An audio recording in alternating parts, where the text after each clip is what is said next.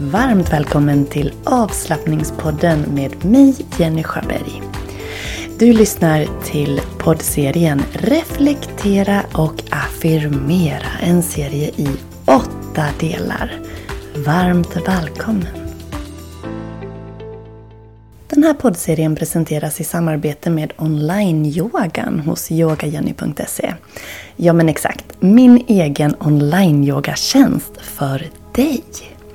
Online-yogamedlemskapet det ger dig möjlighet att yoga hemma när det passar dig, vart du än är och på dina villkor. Du kan välja pass för just din kropp och dina behov för dagen. Och är du minsta osäker så finns jag här för dig. Du kan boka ett personligt kom igång-samtal med mig över telefon eller över zoom. Eller skriv till mig på mail så hjälper jag dig igång. Så till skillnad från andra större online-yogatjänster så finns jag här i egen hög person för dig att hjälpa dig på din må bra-resa med hjälp av yoga. Så oavsett om du är helt ny, aldrig har testat eller är en van yogi så finns det någonting för dig. Känner du att du vill ha hjälp att veta vilket pass du ska göra så finns det färdiga planeringar. Vill du ha en utmaning för att komma framåt i din yogaträning så finns det fler olika yogautmaningar att välja bland och olika serier att följa. Ja, det finns som sagt allt för din hemmayoga och jag finns här för dig. Varmt välkommen att bli online-yogamedlem hos yogajenny.se. Du går in på onlineyoga.yogajenny.se och där väljer du ditt medlemskap. Du binder inte upp dig, du får tillgång direkt och ja, massa härlig yoga för dig, för det du är värd. Ditt mående är viktigt. Och då har vi kommit till den sista delen i den här poddserien. Reflektera och affirmera. Idag så ska vi fokusera framåt. Du kan välja att fokusera på morgondagen eller framåt i ditt liv. Det väljer du själv. Så dagens reflektionsfråga är Vad ser du fram emot imorgon eller framöver? Vad har du att se fram emot? Så fokusera på allt det du har framför dig som positivt. Så vad ser du fram emot med morgondagen? Eller eh, om du väljer ett längre framåtperspektiv, vad ser du fram emot i ditt liv? En minut, varsågod.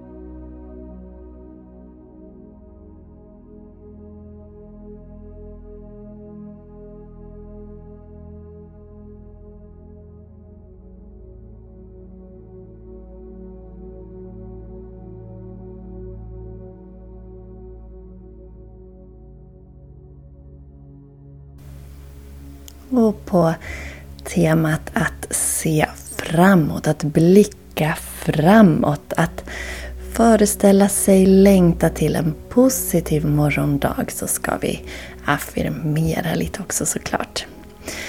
Så eh, gör dig bekväm där du är och så upprepar du efter mig. Imorgon är en ny möjlighet att göra det bästa av mitt liv.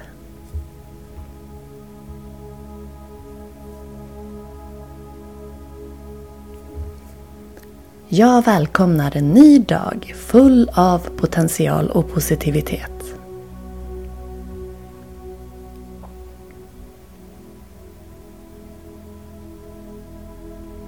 Jag ser fram emot det som väntar mig framöver.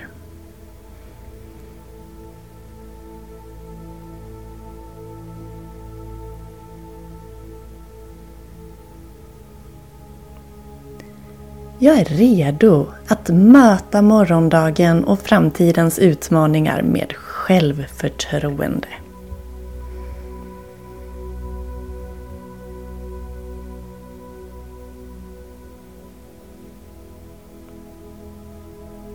Jag tror på min förmåga att skapa en framgångsrik morgondag.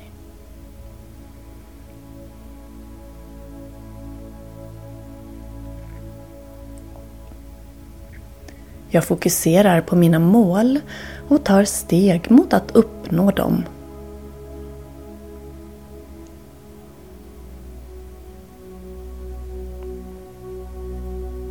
Imorgon kommer att vara en dag fylld av glädje, tacksamhet och framsteg.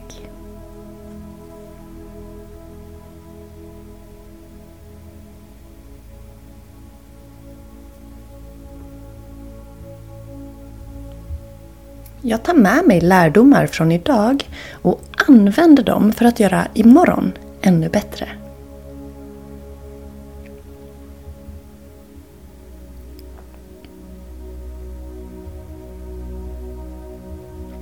Jag är omgiven av positiv energi och har stöd som kommer att hjälpa mig att nå mina mål och drömmar.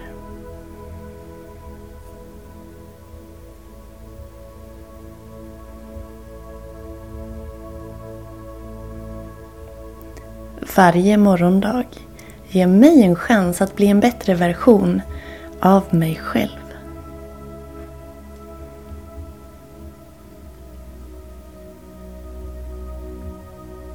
Jag väljer att vakna med en positiv inställning och en känsla av förväntan på en fantastisk dag framför mig.